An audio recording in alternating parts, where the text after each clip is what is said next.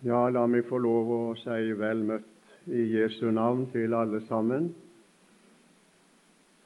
Vi har eh, bedt nå i sangen at Han måtte få gi oss en stund der vi kunne ta vare på det vi hørte. Hjelp oss å ta vare på de ord som du oss gir.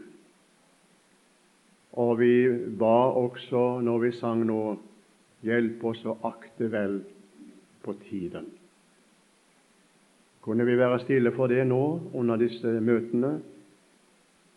Ta vare på de ord vi hører, og akte på den tiden vi lever i, mens du søker oss, o Gud. Herre Jesus, nå vet du at vi er veldig i behov av din gode, hellige ånd. Og jeg har lyst til å be deg nå i denne stund med sangeren La din ånd i ordet være. Signe stunden, Frelser kjære. Vil du velsigne det vi skal snakke om nå, Herre, ved din ånd? Vil du åpne ordet for oss, og vil du gi nåde til å få se inn i det og ta lærdom av det? Og Jesus, at det må få virke det du hadde tenkt det til, også under disse samvær. Til frelse for mennesket, til styrke for de som er frelste. Herre, vi har grunn for det i denne kveldsstunden, og takke deg fordi du er i ditt ord, og fremdeles taler til oss der. Ja, Herre, tal. Det ber vi om i Jesu navn. Amen. Ja, emnet som vi har for disse kveldsmøtene, det har jeg sett i avisen, tenker jeg, i kunngjøringen. De siste tider i Bibelens lys.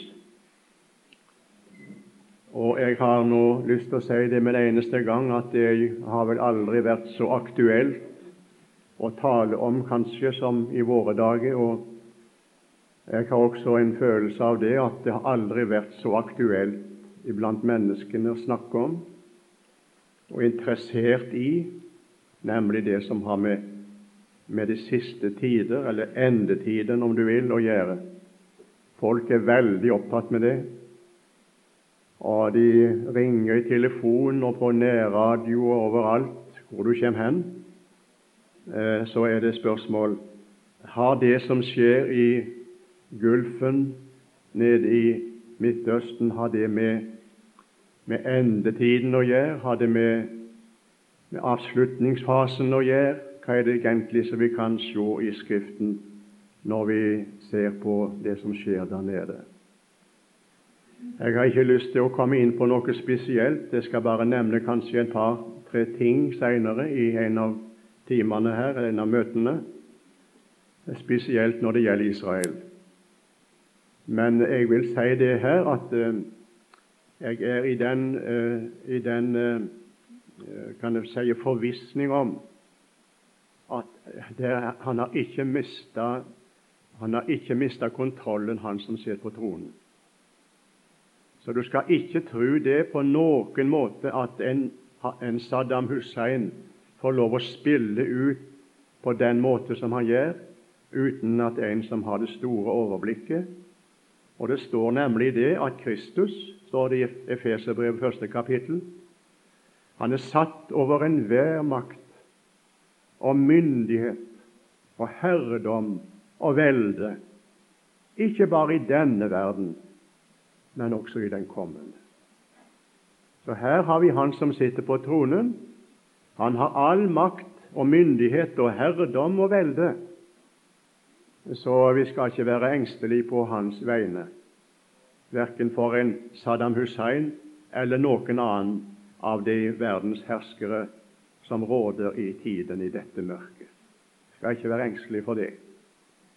Og Jeg har lyst til å si det til troende, dere som er troende her, kanskje alle for det, jeg vet det er det. Det hadde vært gildt om vi hadde vært det alle. Gud er på tronene nå, og Han kommer sine i hu. Vær sikker, Han har ikke glemt oss. Han har heller ikke glemt Israel, sitt eiendomsfolket til kjøret. Det kan du også være rolig for. Og Jeg vil si også en, en ting til, og det er det at eh, hva som enn skjer, så, så har vi en fremtid som Guds folk. Hva det måtte være som måtte komme av eh, militære våpen og ting som ville ramme mennesket og verden for øvrig, så er vi i den situasjonen at vi har det beste foran oss. Eh, Guds folk har ikke det verste foran seg. De har alltid det beste. Og Jeg vil bare si det her at eh, jeg er rolig for det i denne tid, hva det enn som måtte skje. Om det skal bli en verdensbrann ut av dette, det vet ikke vi. Og vi har ikke anelse om det. Det ser mørkt ut. Det ser ting eh, på gang som kan være med å tenne en verdensbrann. Det vet vi. Det kan skje. Men det skal likevel, midt i alt dette, enda det er så mye vondt og mye stygt som skjer, likevel vite det at vår fremtidsdag som Guds folk, den er lys og lang. Den rekker bakom tidens tvang. For Gud og lammet selv jeg ser, og ingen nød skal være med. Det er dette vi må ha i sikte gjennom alt som hender oss, og alt som skjer. Og det er sant, det som du leste nå fra Romerbrevet, det det åttende kapittel. Du leste vel det også, der det står verken makter eller myndigheter. Tenk det. Verken herredom eller velde, eller hva som måtte skje. Verken det som nå er, eller det som komme skal, eller noen makt skal kunne skille oss fra Guds kjærlighet i Kristus Jesus, vår Herre. Da er vi på trygge grunn. Jeg har lyst til da i disse møtene her å si litt om de siste tider i Bibelens lys. Og Jeg må bare få lov innledningsvis i kveld Det blir kanskje bare en innledning. Men la, la meg få lov å fortsette, om Gud gir nåde til det, i morgen kveld. Jeg vil gjerne få lov å si det her at eh, når det gjelder i Bibelens lys, så må vi se alt i Bibelens lys. Det nytter ikke med spekulasjoner. Det nytter ikke med hva jeg mener, jeg tror, jeg innbiller meg eller fantaserer om, eller noe slikt. Det er mye av det i våre dager. Altså, En fantaserer over Guds ord i stedet for å forkynne det. Og det nytter ikke med menneskelige fantasier. En må prøve å finne dekning i Skriften for det en forkynner fra talerstolen. Også når det gjelder de siste ting. Ja, sannelig og de siste tider. Da må en ha det. Og Jeg har sagt det slik at det som står i Salme 36,10, vil jeg gjerne få lov til å innlede med her i kveld. For det gjelder også når det gjelder de siste tider i Bibelens lys. Det står slik i det tiende verset i Salme 36. Vi må få lov å lese det innledningsvis i kveld. For hos deg er livets kilde. I ditt lys ser vi lys. Altså Det vil med andre ord si at uten Skriften så ser vi ikke noen ting. Bare når vi er i lyset fra Guds ord, i Guds lys, i ditt lys, lyset fra livets kilde, som er Kristus, ut ifra det lyset, og i det lyset kan også vi se lys. Når Jesus åpenbarte seg for disiplene og vennene sine etter oppstandelsen, tok han de med seg inn i Skriftene og sa han så står skrevet. Og Så viste han til hva som profeten hadde sagt. Og så står det det i Lukas 24, uten at vi slår det opp, så står det det at da begynte hjertene deres å brenne. Og så sa de Brann ikke hjertet i oss? Altså, ble vi ikke varme innvendig? Ble det ikke godt? Ble ikke det velsigna når Han åpna Skriftene for oss på veien? Og Så står det lenger ute i samme kapittel da opplot Han deres forstand, så de kunne forstå Skriftene. Skal vi lese innledningsvis også ifra profeten Jesajas det 21. kapittel.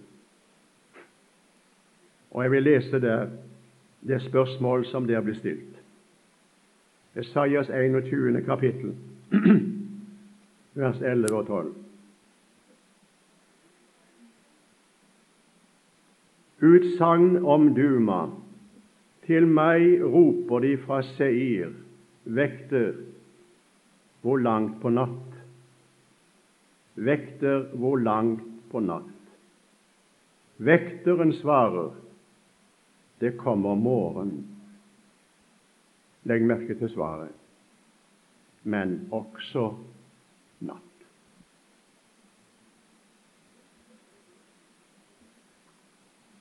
Når det gjelder de siste tider i Bibelens lys, la meg få lov å si litt om det før jeg sier litt om vekteren fra Jesajas 21. Så er det mange mennesker som spør i dag, og har spurt tidligere, når er de siste tider? Eller når er endetiden? Og noen de sier det frimodig at ingen kan vite det. Det er ingen som kan vite når endetiden er. Det er ingen som kan vite når de siste tider er kommet. Så det må vi bare legge ifra oss og ikke ofre en tanke, for det er ingen som har greie på det. Jeg vil gjerne få si det her at det er ikke så enkelt. Eller kan jeg få lov å si det er ikke så umulig. For saken er nemlig den i Guds lys ser vi lys. Og Da er det klare ord i Bibelen også for den sak. Og Jeg har lyst her, i, som jeg sier allerede i kveld, fra det første møtet, og bare innledningsvis få si det. Endetiden er begynt, eller de siste tider, for å holde oss i, i teksten som vi har på emnet, er begynt for lenge siden.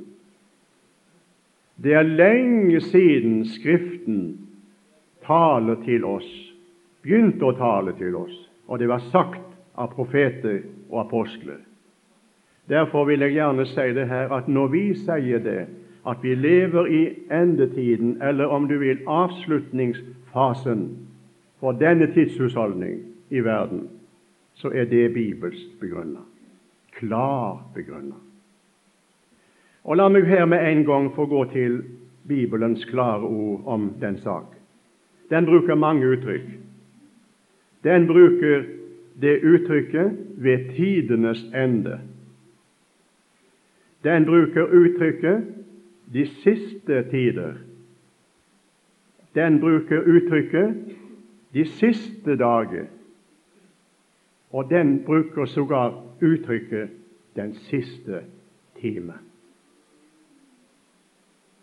I første Hebreerbrevet, Hebreabrevet, det niende kapittel, i Hebreabrevet 9. kapittel, vers 26, kan vi bare se på dette, for jeg har lyst til å begrunne det ut ifra Guds ord.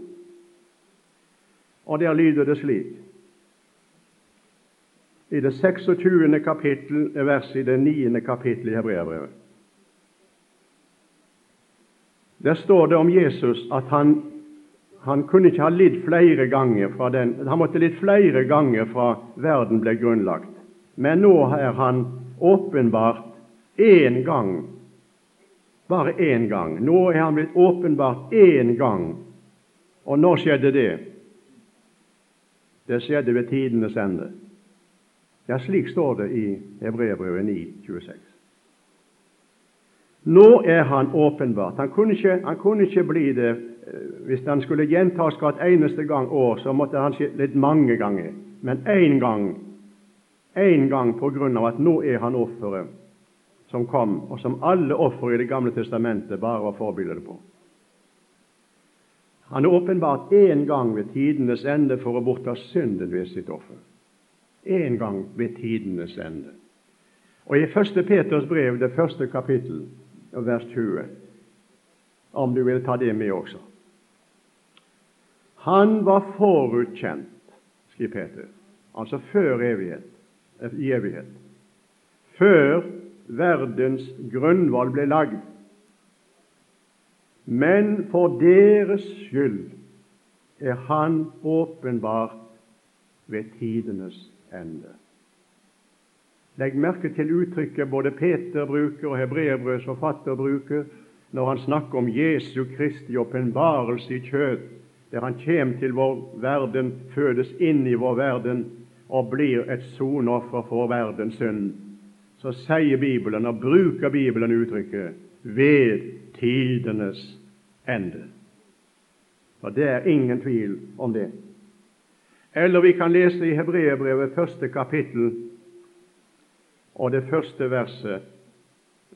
Der står det etter at Gud i fordoms tid mange ganger og på mange måter hadde talt til fedrene gjennom profetene, har han nå i disse siste dager talt til oss ved Sønnen. Og Bibeltolkerne de sier det at de siste dager i Hebreerbrevet i Hebreerbrevet 1 ikke betyr de siste dager altså i, på den tid, at det vil si dagene som nå gikk foran disse dager vi har nå, men her siktes det til avslutningen, de siste dager, altså rent eschatologisk. Og det må jeg gjerne få lov å si, for i studiebibelen min der står det Men nå, da de siste tider er kommet, står det, har Han talt til oss ved Sønnen. Ved avslutningen av verdens dagetall bruker en annen bibeltolker og sier det. Ved avslutningen av verdens dagetall har Han talt til oss ved Sønnen. Og La meg også nevne for det andre her at apostelen, apostelen Paulus bl.a., og Peter og Jakob og Johannes skriver fra den tiden som kalles for aposteltiden. Om dette så sier de slik bl.a. i apostelgjerningene 2,17 på pinsedag. Da Peter taler på pinsedag, siterer han profeten Joel. Det står ikke slik i Joel som det Peter siterer det her, men allikevel så er det klart. Det skal skje i de siste dager, sier Gud. Da vil jeg utgyde min ånd over all kjøtt. Altså, Det er klare ord at det er det som skjer på pinsedag, det når Den hellige ånd kommer, karakteriseres i Bibelen av apostlene som de siste dagers hendelse. Og Vi kan også gå til 1. Korinterbrev, det tiende kapittel, og vers 11. Det blir mange bibelord, dette, men jeg har lyst til å begrunne det ut fra Bibelen når det gjelder de siste, de siste tider og endetiden. I 1. Korinter 10, vers 11 der står det om Israel. Jeg har ikke tid å komme inn på bakgrunnen for dette som skrives her, men jeg har lyst til å bare sitere det som apostelen skriver. Han sier det, men alt dette som hendte Israel Han sjøl leser det sjøl i det tiende kapittelet. Alt dette hendte dem som forbilder, og det er skrevet til formaning for oss, som de siste tider er kommet til. Her er ingen tvil om det. Apostelen sier til oss er de siste tider kommet. Og Jakob han bruker i femte kapittel i sitt brev, Jakob 5 og vers 3, der taler han til mennesker som har samlet skatter. Når har de gjort det? I de siste dager. Uttrykket kommer stadig igjen. Og endelig La meg få lov å lese også og ta med det som Johannes skriver. Og Nå er vi i innledningen til disse møtene. Johannes, det første brev, det andre kapittel, vers 18 osv. utover. Du kan sjøl eh, ta med alt sammen. Men Johannes, den gamle 90-årige apostelen, nå skriver han sitt første brev til menigheten. Og så skriver han denne gamle mannen, mine barn, det er den siste time. Tenk det. Det er en siste time, og like som dere har hørt at Antikrist kommer, så er det alt nå, og dette er på aposteltiden, stått fra mange antikrister. Av dette vet vi at det er den siste time. Og her er ikke antikrister, venner, i verdensformat, men som verdensherskere. Det er mange av de, og jeg skal komme inn litt på de også. Mennesker som har stått fram og vilja være Kristus, og gitt seg ut for å være Kristus og være Messias ned gjennom tidene, men er falske Messiaser, som Jesus taler om. Men her er det ikke snakk om slike. Legg merke til videre i neste vers om disse antikrister. De er utgått fra oss. Altså, de var innenfor rekkevidden for rammen av den kristne menighet. Men de var ikke av oss. Hva vil det si? De var ikke i samfunn med Gud og samfunn med de troende. De var ikke av oss. For hadde de vært av oss, så de, ville de blitt hos oss. Men det skulle bli åpenbart at ikke alle er av oss. Og dere har salvelse av Den hellige og vet alt. Jeg har ikke skrevet til dere for dere ikke kjenner sannheten, men fordi dere kjenner den og vet at ingen løgn er av sannheten. Hvem er løgneren? om ikke den som nekter at Jesus er Kristus. Han er antikrist. Han som fornekter Faderen og Sønnen. Hver den som fornekter Sønnen, har heller ikke Faderen. Den som bekjenner Sønnen, har også Faderen. Antikrister som stiger fram av aposteltiden, er ikke herskere, det er ikke antikristelige personer, verdensherskere, han taler om her. Men han taler om kan jeg få lov å bruke det uttrykket som Bibelen også bruker falske profeter, lærere som lurer inn vrange lærdommer som fører til fortapelse. Paulus han advarer mot dem. Johannes taler om dem. Og han sier det rett ut, Paulus. Lovløshetens hemmelighet er alt virksom. Bare at den som nå holder igjen, blir tatt bort, skal den lovløse åpenbare. Antikrist. Og Johannes skriver sitt første brev og fjerde kapittel. Vi må få ta det med også. Han sier det slik Hver ånd som ikke bekjenner Jesus, er ikke av Gud. Dette er antikristens ånd, som dere har hørt skal komme. Og legg nå merke til hva han sier videre. Den er allerede nå i verden. Og det er fra aposteltiden. Jeg har ikke lyst til å si noe mer om det, men eh, jeg hadde lyst bare å understreke det, venner. Det er ingen, det er ikke noe fantasi. Det er ikke noen ting som vi kan stige fram og si dette er menneskelig, dette er menneskeverk. Det mener bare du. Nei, jeg har en gedigen grunn å stå på når jeg sier det er lenge siden endetiden begynte. Det er lenge siden de siste tider begynte. Vi er langt, langt inn i den tiden.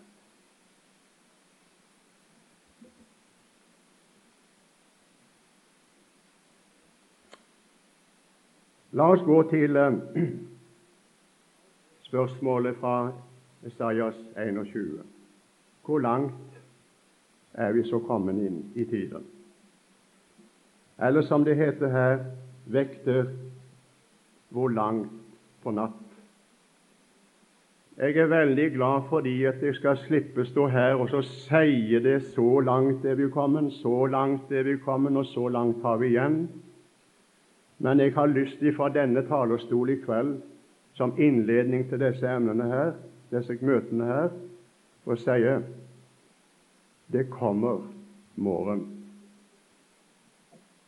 Og med dette i tanken, med dette at det kommer morgen, med dette skal vi få lov til å se lys i Guds lys, også når det gjelder de siste tider og de ting som Bibelen taler om, og tegn som Bibelen taler om, som har med den siste tid å gjøre.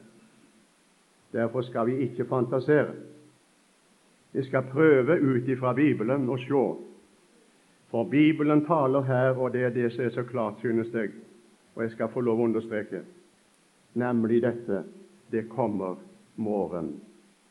Men så sier vekteren men også. Etter dagen kommer natten. Og jeg vil gjerne si det her for Guds folk, for troende mennesker, som jeg allerede har nevnt, så går det ikke mot natt, men det går mot dag. For ufrelste mennesker lider det med dagen, og det går mot natt. For Guds folk lider det med natten, og det stunder til dag. Jeg vil lese fra Romerbrevet det 13. kapittel. og Derfor er det et veldig sterkt opprop fra Bibelen når det gjelder disse ting. Og her er også klare ord fra aposteltiden. Jeg synes det er veldig sterkt når apostelen allerede på, på den tid skriver slik som han gjør. Tenk romerne, romermenigheten som han skriver til i det 13. kapittel og vers 11 og 12. Og dette må vi gjøre. Og det vi må gjøre, det er å elske hverandre. Det, går tilbake til vers 10. Kjærligheten gjør ikke nesten noe vondt. Derfor er kjærligheten lovens oppfyllelse, sier han der. Og dette må vi gjøre da vi kjenner tiden, at timen er inne. Legg merke til det. Enda på aposteltiden. Timen er inne da vi må våkne opp av søvne. Legg merke til så sterkt et vitnesbyrd formaning. Og så begrunner han det, og så sier han for frelsen er oss nærmere nå enn da vi kom til troen. Det lir med natten, og det stunder til dag.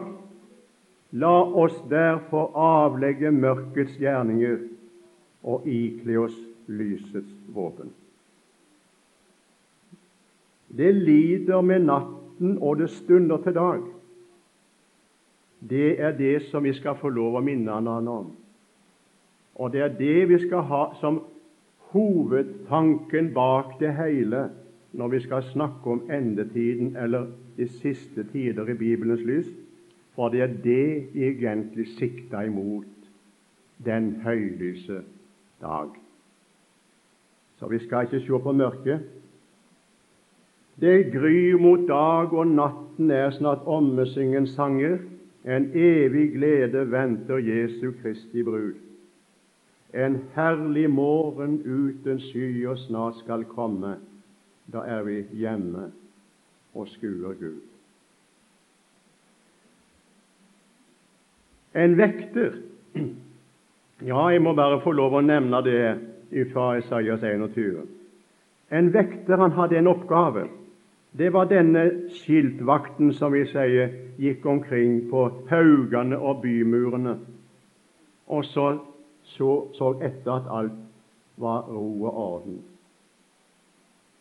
Men vekteren hadde også en annen oppdrag når han gikk omkring i byen.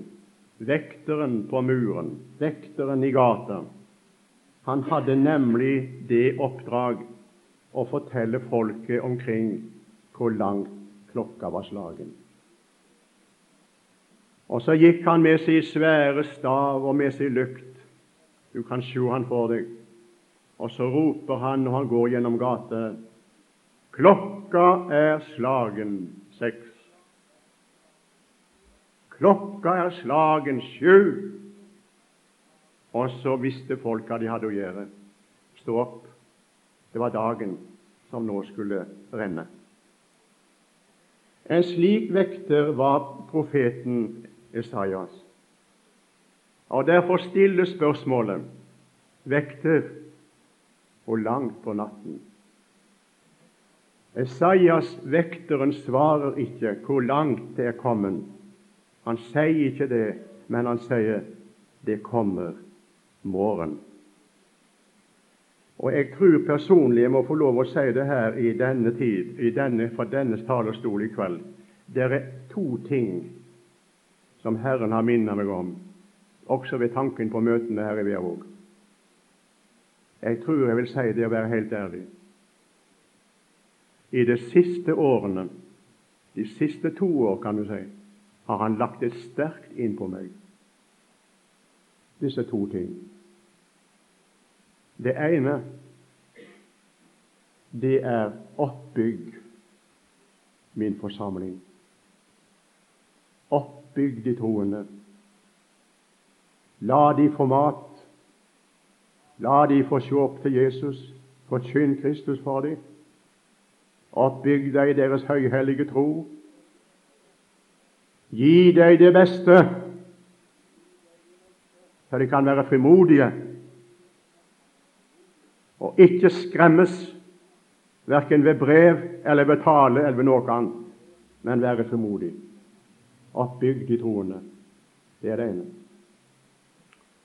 Det andre som jeg har fått sterkt lagt inn på meg, tror jeg vil si det her, og jeg er helt ærlig når jeg sier det, det er det som Herren har sagt til meg du må forberede min forsamling på en snarlig avferd. Jeg kommer snart. Bortrykkelsen står for døren. Og jeg tror, henne, jeg er helt overbevist om det, og jeg hviler i det, at det som de gamle testamentlige troende, eller på, på, på, de troende på Jesu tid og, og, og, og aposteltiden framover venter på Jeg tenker på Tessalonika-menigheten. Jeg tenker på Romermenigheten. Jeg tenker på Jakob når han skriver til vennen til menigheten der. Han sier 'Herrens komme er nær'. Hvis det er noen generasjon som kan si det, og være meg overbevist om at dette er tilfellet, må det være oss som lever i dag. Og Derfor vil jeg gjerne her, ut ifra disse, disse møtene og fra denne talerstol, få lov å si det allerede i kveld, venner. Det gryr av dag. Det gryr av dag. Natten er snart omme. Det ligger klart for meg å forkynne det, for Bibelen forkynner det. Gud signe oss alle sammen. Vi skal prøve å peke litt på de siste tider i Bibelens lys, slik som den blir Ja, jeg kan få lov å si det blir avtegnet for oss i de profetiske bøker, i de apostoliske skrifter, og slik som Bibelen maler for oss og viser oss i sitt lys hvordan de siste tiders begivenheter og situasjoner passer inn i Skriftens, i Skriftens store spill. Jeg tror det er mer enn vi aner. Og Jeg har lyst til, å, før jeg går ned fra denne talerstolen i kveld, å si det er ett tegn som er så tydelig og klart. Jeg bare avslutter med det i kveld. Jeg skal fortsette i morgen. Som er så tydelig og klart at jeg må si det alt. Altså at eh, jeg kan ikke komme ifra det. Jeg synes det er det som skjer, mer enn på noen annen, annen område. Og det er det som skjer med Israel. Og Nå skal jeg avslutte med det verset som nå skal bli det verset vi skal ha som tekst i morgen også. Det er fra Romerbrevet, det niende kapittel. Jeg vil lese det det står i forbindelse med Israel. Og jeg skal begrunne det også og tale om det i, i morgen, om Gud gir nåde til det. Og Dette gjelder veldig spesielt Israel. vers 27 i Romerbrevet 9. Og Jesajas roper ut over Israel om tallet på Israels barn er som havets sand, så skal bare en rest bli frelst. Men det skal bli det, altså. Og så kommer det jeg skal understreke. For sitt ord skal Herren sette i verk, og hastig fullføre på jorden. Jeg er litt skuffa over 78-oversettelsen. Der står det ikke slik, men i grunnteksten står det slik.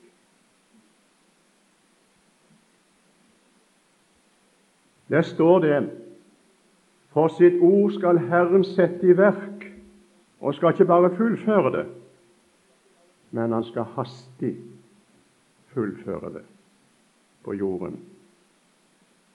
Derfor ser vi, venner, jeg må bare si det nå i kveld, ser du hvor fort det går?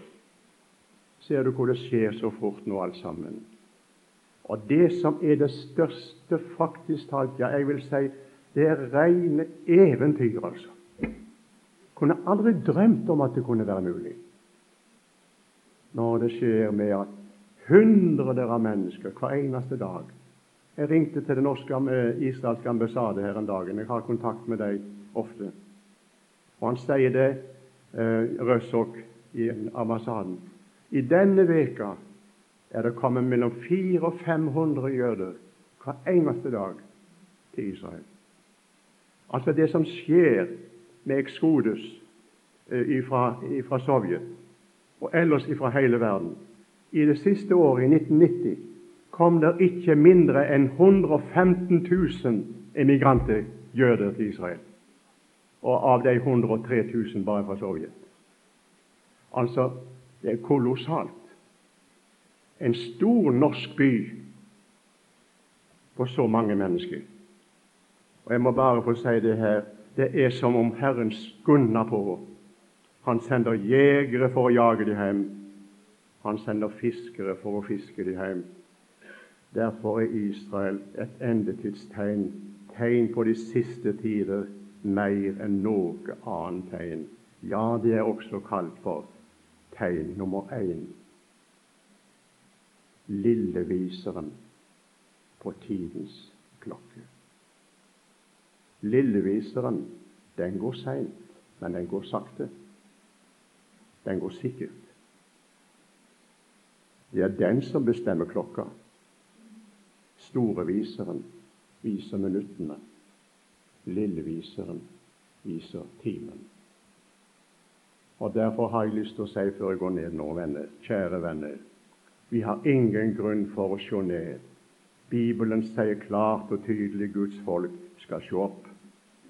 Når disse ting begynner å skje, skal det se opp, for løsningen den stunder til. Og skulle du være som ikke er frelst, vil jeg bare få lov å si det til deg før jeg slutter nå. Du, du må skynde deg. Ennå er det nådedag. Ennå er det mulig å bli frelst. Det vil si det. Men det lir med nådens tidshusholdning. Den ebber mer og mer ut. Derfor kan vi synge med sangeren Det stunder mot natten, det mørkner alt med.